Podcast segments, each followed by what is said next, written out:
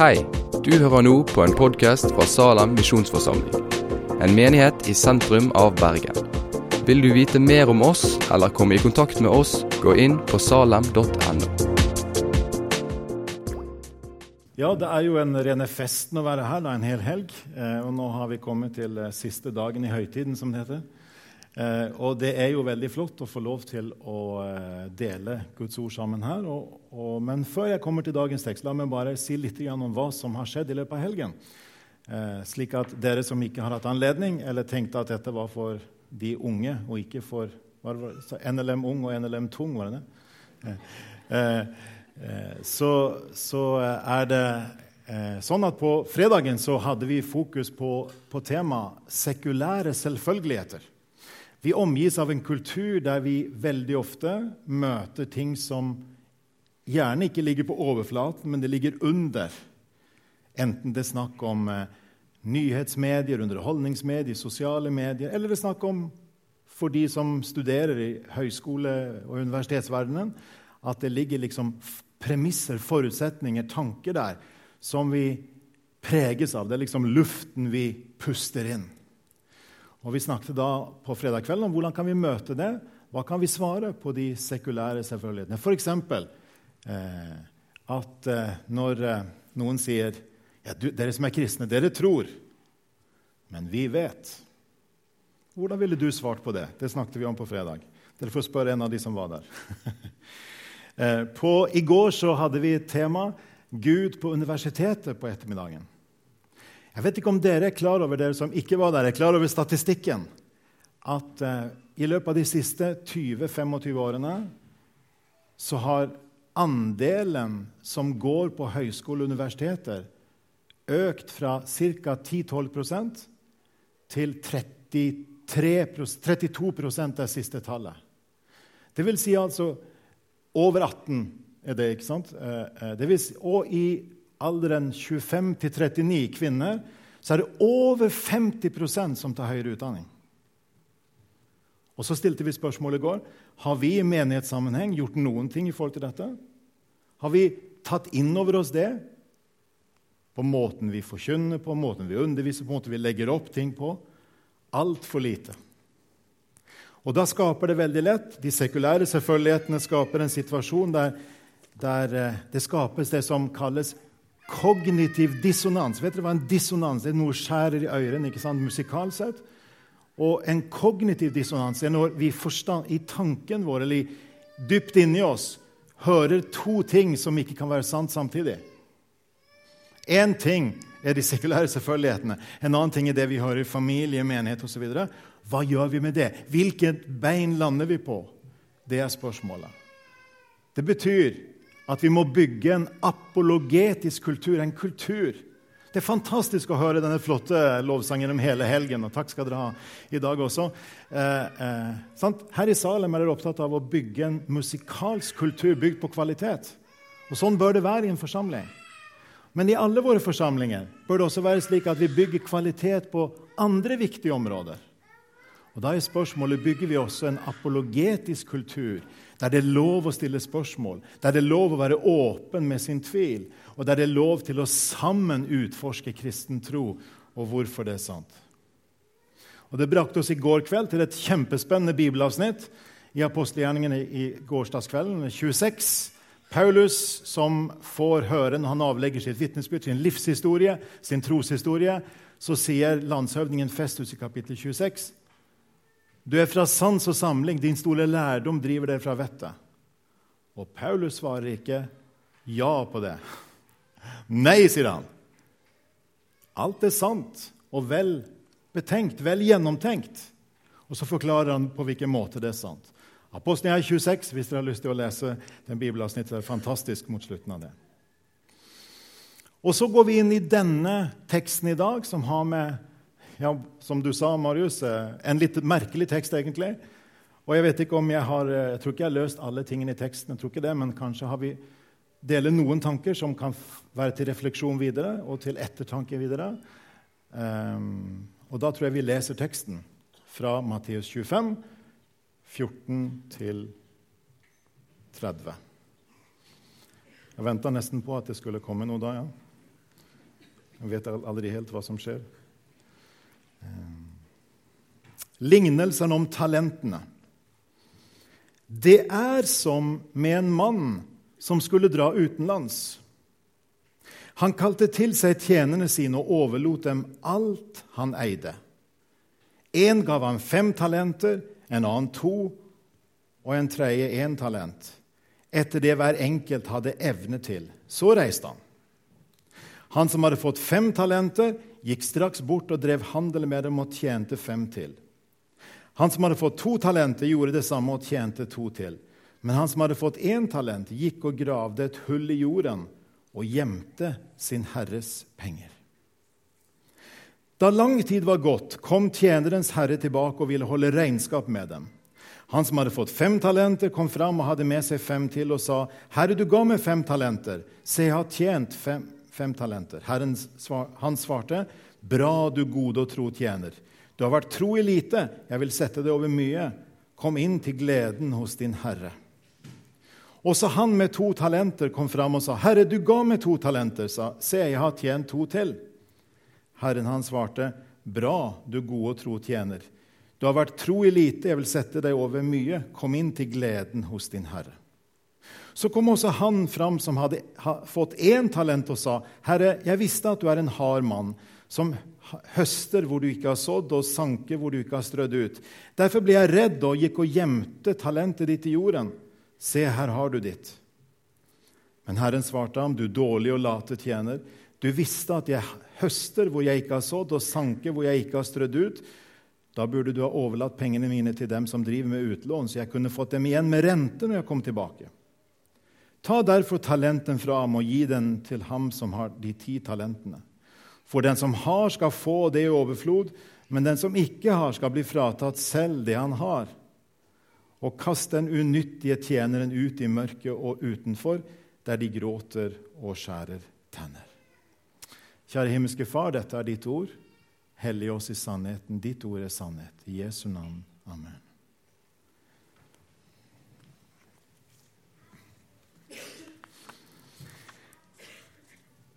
Jeg tenkte vi skulle ta en liten vei innom, som om vi var nå på et tekstverksted og skulle prøve å si litt til hverandre hvordan skal vi forstå denne teksten her. For det er jammen ikke bare én ting, i denne teksten her. Det første er at det er en lignelse. Og dere vet, Jesus forteller mange lignelser. Og noen lignelser er mer allegoriske, dvs. Si at hvert trekk i lignelsen kan overføres på noe som har så å si åndelig overføringsverdi. Andre lignelser er ikke sånn, og det synes som denne lignelsen ikke kan overføres i alle poengene. Ta f.eks. det siste som ble sagt om, om, Herren, som var hår og, og, og, det ene med det andre. Ikke sant? Er det en god beskrivelse av Jesus? Neppe.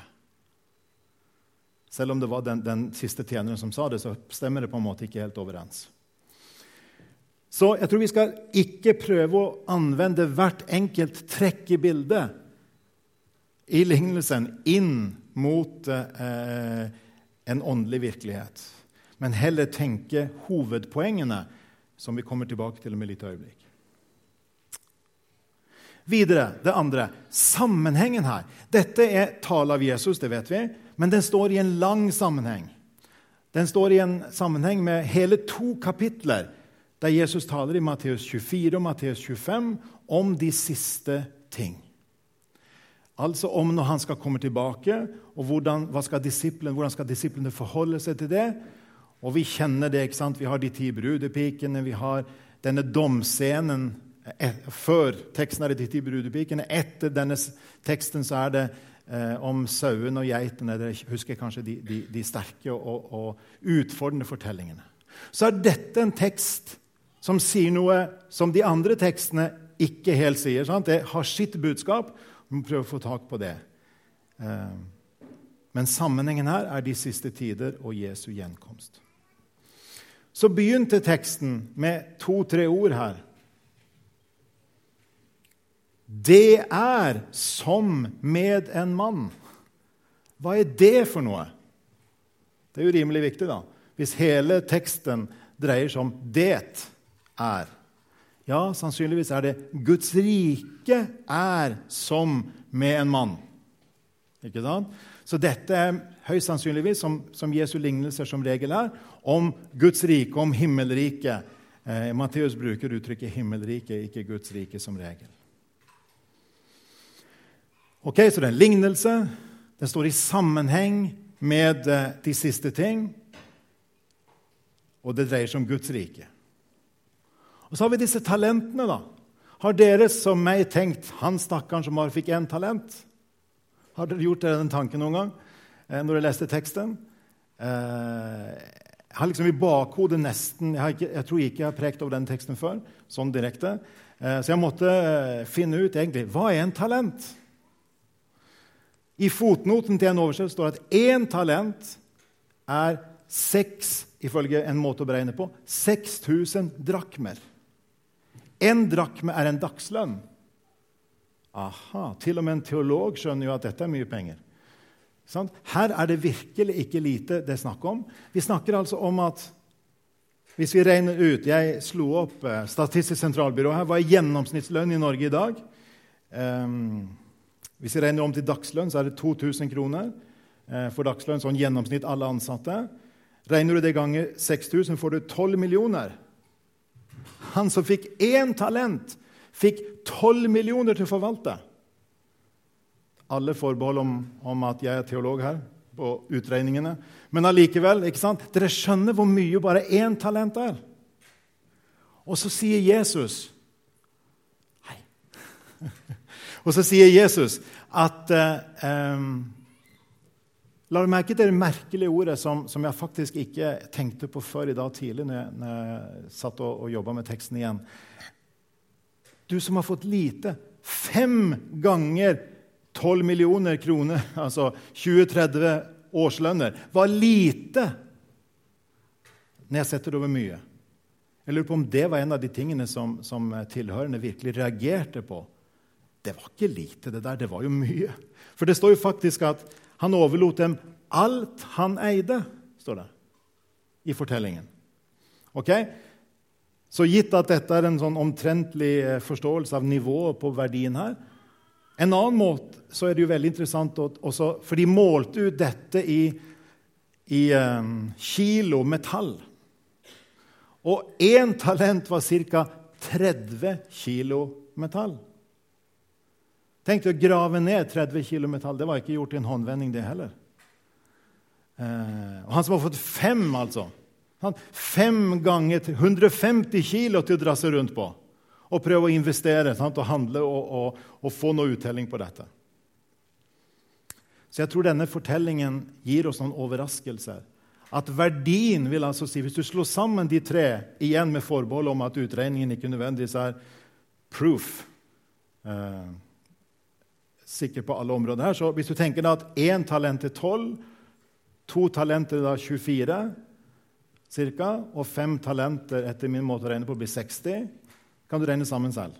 Vi snakker om en som eide 100 millioner kroner tilsvarende, og som delte ut alt til tre forvaltere. Dette er jo ment å si noe om Jesus som gir. Det kommer vi tilbake til, at Jesus er raus. Han overlater i våre hender så mye av verdi som vi er satt til å forvalte. Men så må jeg si at jeg vet ikke om jeg helt er kommet til rette med to formuleringer, to forhold i teksten. Eh, det ene er at det står at han ga de etter evne. Hva i all verden betyr det? Kanskje betyr det at Guds Eller i denne, denne, i denne fortellingen, da, at personen så hvem som hadde muligheter til, eller talent til, som vi ville si, til å forvalte talentene i teksten.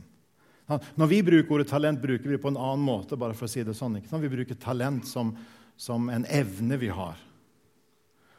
Så det er det ene at en, den, de får hver enkelt hva de hadde evne til. Og det siste det er jo litt av en dramatisk konsekvens, er det ikke det? Den, den som da ikke viste troskap, ble kasta ut. La du merke til det i teksten? En veldig dramatisk avrunding, der det altså virker Hvis en skal lese den delen av lignelsen som en beskrivelse av menneskelivet, så kan det se ut til at måten en forvalter det en mottar fra Gud, hvis det er sånn å forstå, påvirker også den evige skjebnen. Jeg er usikker på om den delen av, av, av hører til anvendelsen eller en del av historien. Det er ikke så lett å lese ut av dette. Men hva er hovedbudskapet midt i alt dette? Jo, mens vi venter på Jesus, er vi betrodd uendelig mye fra Gud til å forvalte. Mens vi venter på Jesus, er vi betrodd uendelig mye fra Gud til å forvalte. Det tenker jeg er denne tekstens hovedbudskap. Gang på gang på gang. Da har du sammenhengen med Jesu gjenkomst. Sammenhengen med at her er det snakk om å vente på det. Og talentene blir betrodd, disse tjenerne, disse forvalterne, til å forvalte. Og Da kommer jo selvsagt spørsmålet. Hvis, hvis, hvis det er hovedbudskapet, hva er du og jeg betrodd i dag? Hva har vi fått på en måte i våre hender betrodd? Det blir et grunnleggende spørsmål. ikke sant? Hva er, det, hva er, det, vi har fått i våre liv? Skal vi begynne med det helt grunnleggende og det helt fundamentale? Gud har gitt i våre hender tro, kjærlighet og håp. Tro til seg. Sant? Troen retter seg mot Gud. Tilliten til Gud og hans frelsesverk. Det har Gud så å si gitt oss. Vi snakker om at Gud skaper troen. Der, der, der vi åpner opp for ham. Gud har gitt oss troen til å leve i troen, til å preges av den. I tillit til Gud. Gud har gitt oss kjærligheten til Gud, men ikke minst til vår neste. Omsorgen for vår neste. Guds kall til å virke til å leve til beste for vår neste, til å forvalte alt det vi er og har og gjør, til beste for vår neste. Og Gud har gitt oss håpet, apropos hele sammenhengen her med, med, med Jesu gjenkomst, til å rette blikket fremover på, Jesu, på Guds løfter og på Jesus som er oppstandelsen og livet. Når takka du og jeg sist Gud for at vi har fått i våre hender tro, håp og kjærlighet? Jeg tror Gud inviterer oss til i dag til å, til å se med friske øyne. Hva er det Gud har gitt oss? Hva har vi? Hva har vi i Gud? Mens vi venter på Jesus, er vi betrodd uendelig mye fra Gud til å forvalte. Og Hvis Gud så har gitt oss tro, håp og kjærlighet På en måte har han ikke gitt det i, i forskjellig monn. Alt er gitt til alle, så å si. Men måten vi er satt til å forvalte det på, blir forskjellig fra person til person. Den tjeneste vi har, den oppgave vi har, er forskjellig. Og Det er derfor det er så problematisk at vi har lett til å lese at ah, stakkaren fikk bare én talent, eller to talenter. Og Hvis vi skjønner verdien av dette, så skjønner vi at en skal ikke sammenlignes med hverandre. Poenget var hvordan hver enkelt av de forvalta det de hadde fått. Og sånn kalles vi til i forsamlingens og fellesskapets sammenheng. Ikke til å sammenligne oss med hverandre, men til å spørre hva har Gud gitt meg av gaver, av tjenester, av oppgaver, som jeg er satt til å forvalte, for at den tro, kjærlighet og håp som Han har gitt meg, skal vokse, skal bli til glede for meg, for min familie, for de jeg jobber sammen med, mine naboer, og fra de nære sirkler helt til jordens ende.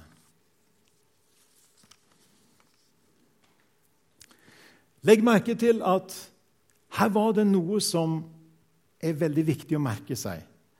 At den, I denne lignelsen så er det altså han som eier pengene, som, som det heter.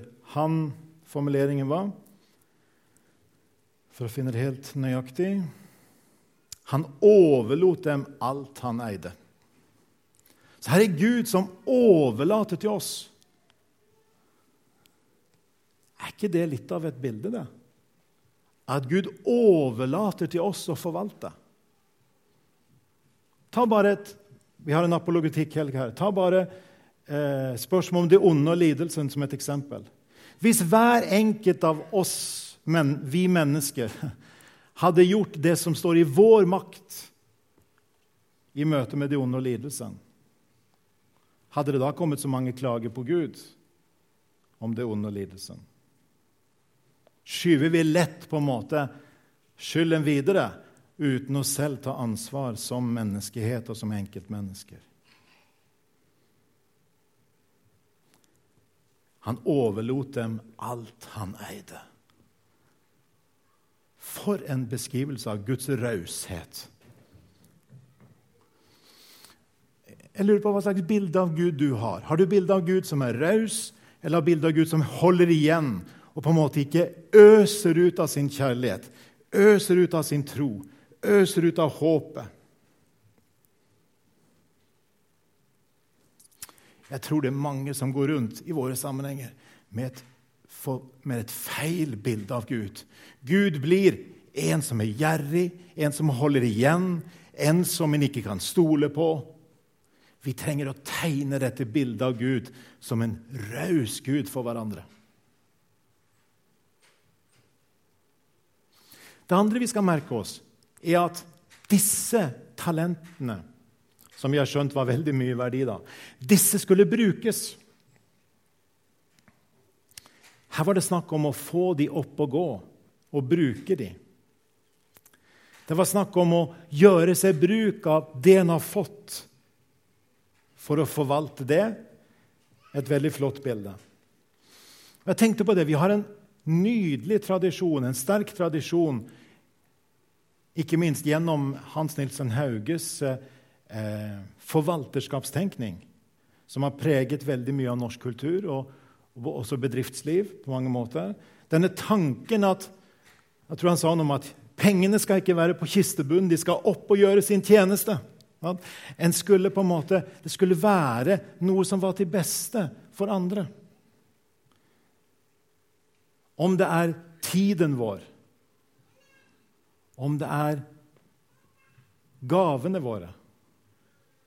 De personlige gavene, naturgavene, nådegavene.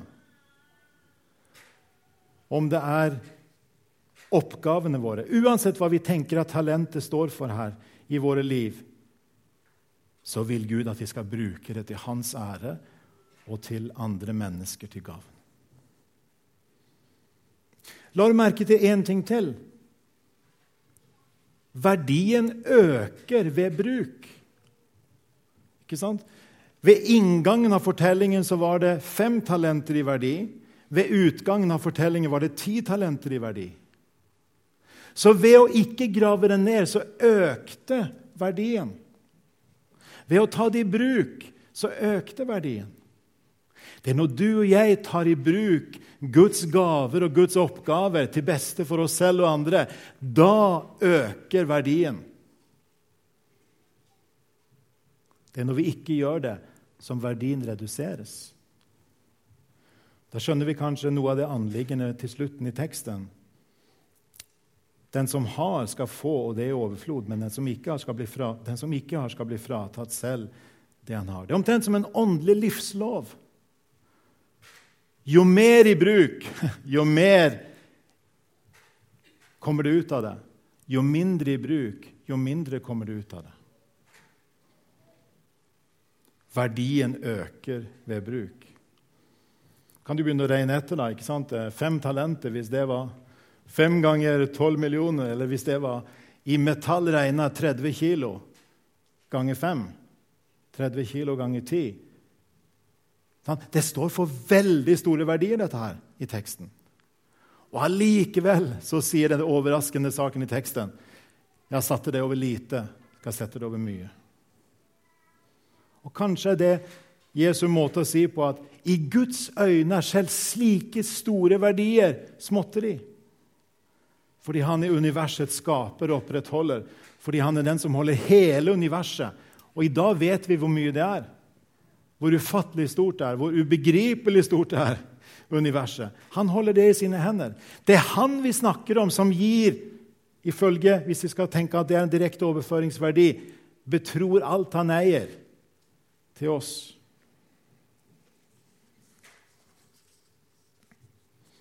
Så er det ikke tvil om at nær hjertet i teksten ligger dette med trofasthet, dette med klokskap, dette med visdom. Forvalterskap preget av trofasthet, klokskap, visdom.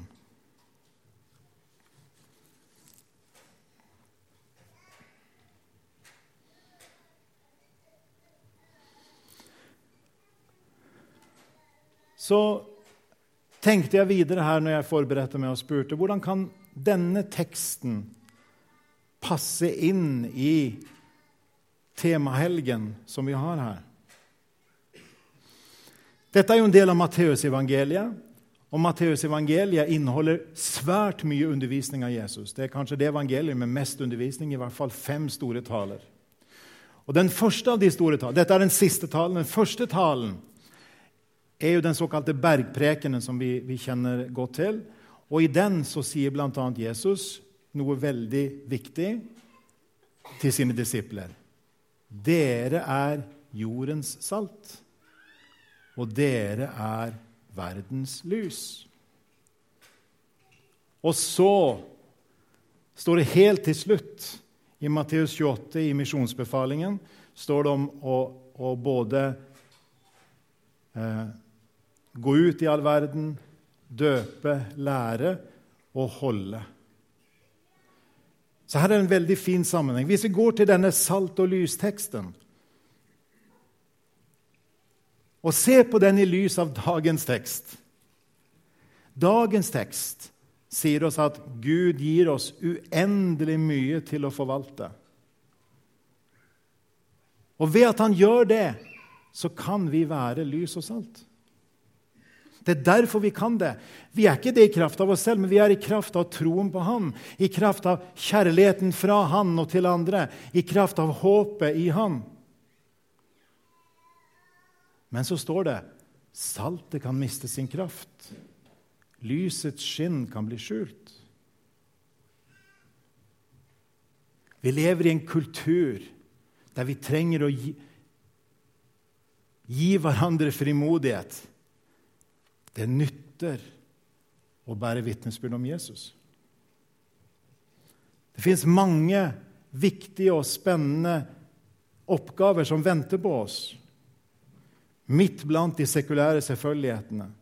Midt i en kultur som ofte synes å ikke søke Gud.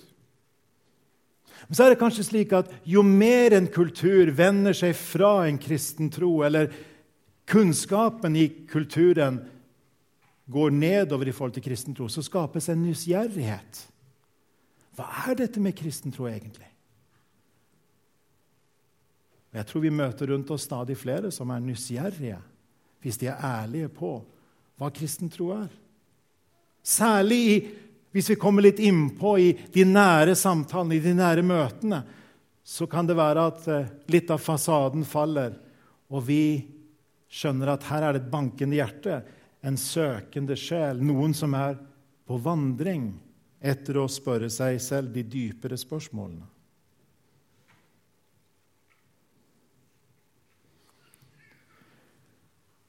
Vi feirer reformasjonsjubileum i år. Det er en del av det som er betrodd oss, en fantastisk åndelig arv. Arven som har med nåden alene og troen alene på Kristus alene, som vi finner i Skriften alene, og som vi er kalt til å leve til Guds ære alene. Hvordan forvalter vi den arven best? Hvis det er et av talentene vi har, fått så å si fra Gud, til å forvalte. Eller hvordan forvalter vi evangeliets ord som sannhetens ord? evangeliets ord som de ord som er troverdige. Tilbake til teksten fra i går kveld, når, når Paulus svarer frimodig. Nei, det er ikke sånn at jeg er ute av forstanden. Alt det, jeg sier, er sant. Jeg har brukt tid på å tenke igjennom det. Og det som jeg formidler om Jesus, det er noe som har skjedd historisk. Det skjedde jo ikke i et hjørne. Du selv, henviser han til, til Agrippa der, eh, du selv vet jo det. Og jeg vet at du tror profetene. Så finner vi en nydelig beskrivelse av hvordan dette åpner opp veien så å si inn til, til eh, Agrippas eh, hjerte, synes det. Og han sier at det mangler lite på at du overtaler meg til å bli en kristen. Hjertet slår. Sant? Det er en meningsfylt konversasjon, en meningsfylt samtale, der Agrippa er en åpen skeptiker, mens den andre vi møter i fortellingen, Festus, landshøvdingen, er en lukket skeptiker, ser det ut til. Hvordan forvalter du og jeg evangeliets ord som sannhet? Alt det vi er, alt det vi gjør, alt det vi har, er vi kalt til å leve til Guds ære.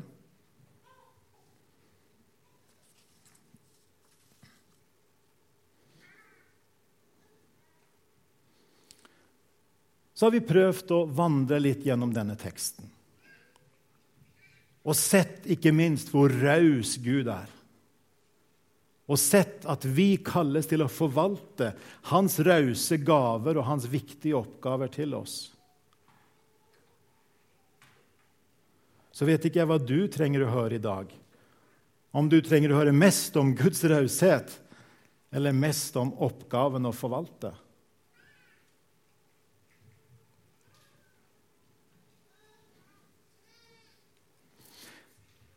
I denne helgen har vi satt fokus på dette med å legge frem vår sak. Hva vil det si å vitne om at, kristent, at Jesus er veien, sannheten og livet?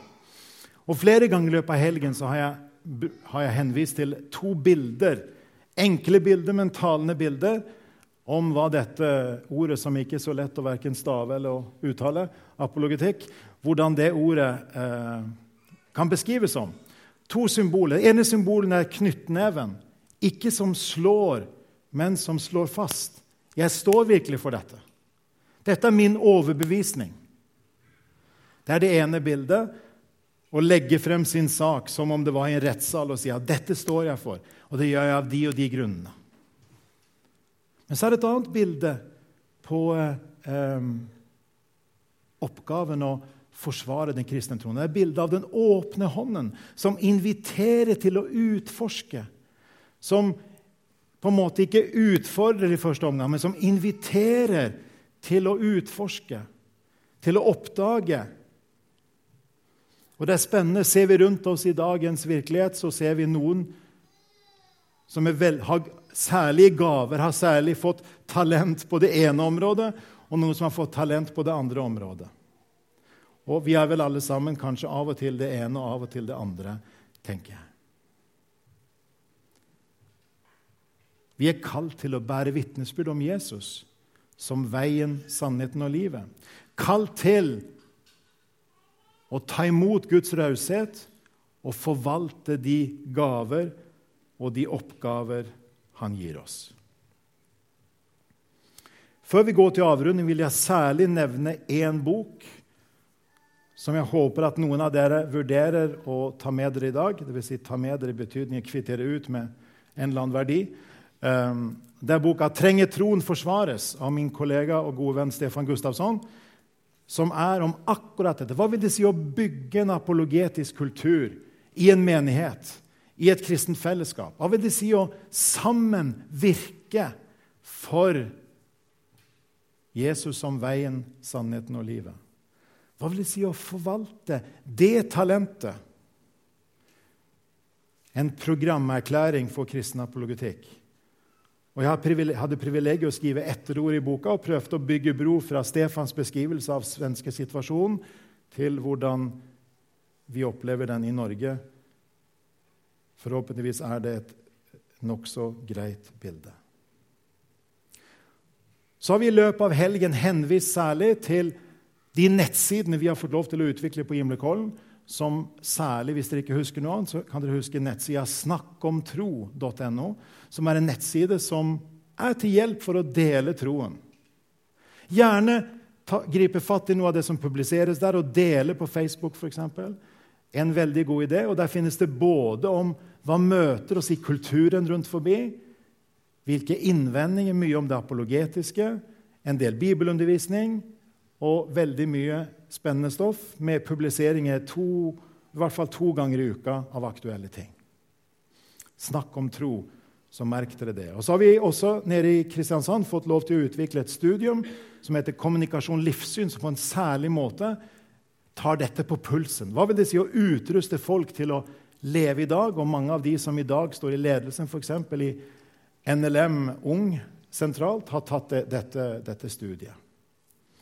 Eh, så skjer det mye spennende. Jeg vet om dere har fulgt med I sommer så, så var det en, mye oppmerksomhet i, i, i, vårt land rundt denne nye boka 'Grill en kristen', eh, som jo da er laget og eh, NLM Ung som har stått sammen med og skapt et nytt forlag. Veritas det betyr sannhet. forlag, Veritas forlag, og Boka heter simpelthen 'Grill en kristen'.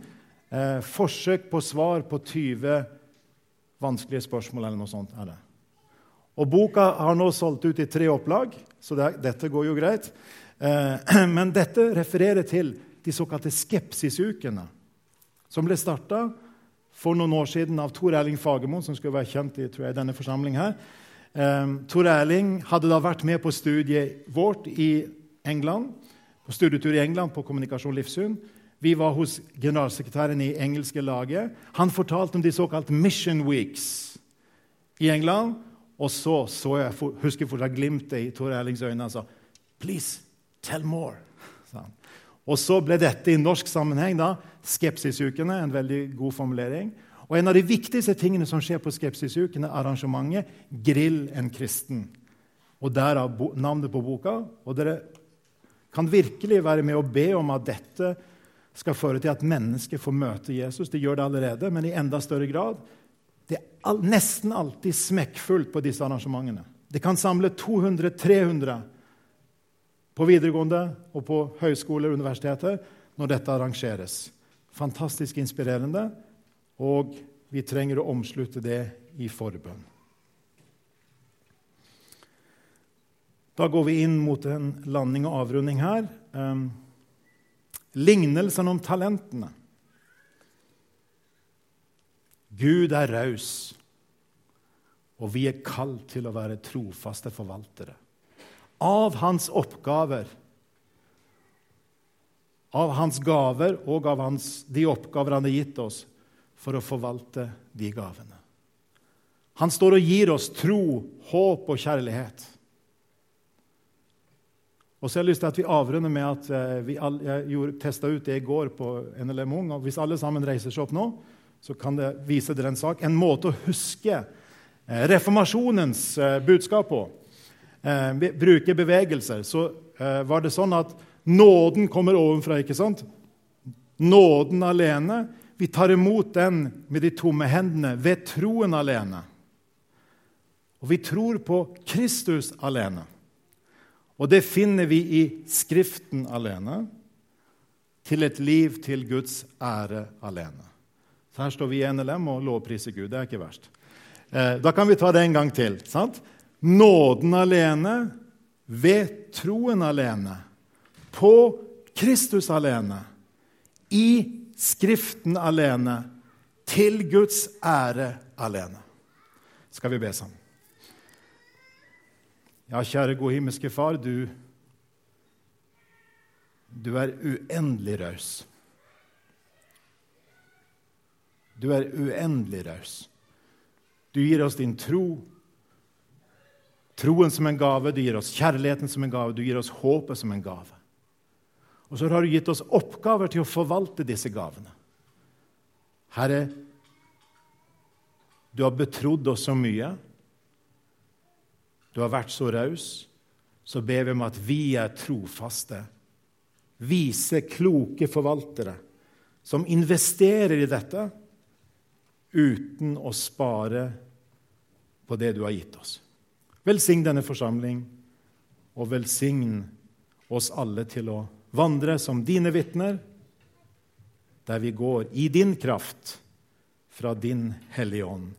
I Jesu navn. Amen.